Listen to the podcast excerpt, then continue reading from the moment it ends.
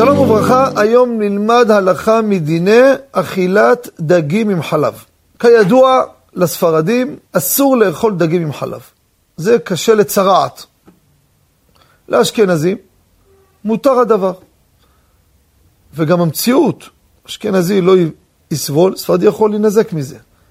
הדם של אשכנזי והספרדי דם אחר. אשכנזים דם קר. ספרדים דם חם. לא נאריך כרגע, יש לזה כמה בדיקות שעשינו, וגם נפקא מינות בהלכה. אבל עשו על זה מחקר בארצות הברית בנושא הזה ספציפי, וכך גילו.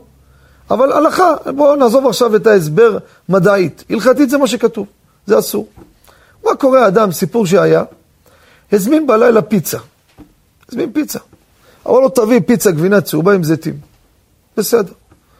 זה, שלח את השליח, הביא את המגש, הגיע הביתה, עד שזה פתח לראות, עד שהתעורר, גם השליח נעלם, הפיצה סגורה, הוא רעב, אין לו משהו אחר לאכול. מה הביא לו בטעות? גבינה צהובה עם טונה, דג עם חלב. מה ההלכה? מותר לאכול מזה או לא? אני מדבר לספרדים. הלכה למעשה, דבר שעשו אותו בטעות, פה לא עשו בטעות, אבל לגביו זה טעות, ואין לו אפשרות לתקן. הוא צריך לאכול עכשיו, נגיד לו, תהיה בצום עד הבוקר.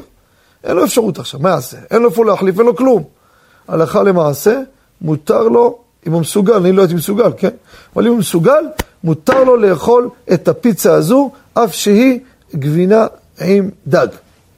אבל אדם יגיד לי, תשמע, אני עכשיו הולך לחנות, כבר עשו. מה זה עשו? אין, אין היתר כזה בכלל, מה זה עשו? בטעות נעשה, גם בבית, טעות, קרה טעות. מישהו פיזר שם בבצק טונה, זה לא שם לב גבינה צהובה, בטעות עשו. מקרה כזה בשעת הדחק, שטעות, אפשר להקל. תודה רבה וכל טוב.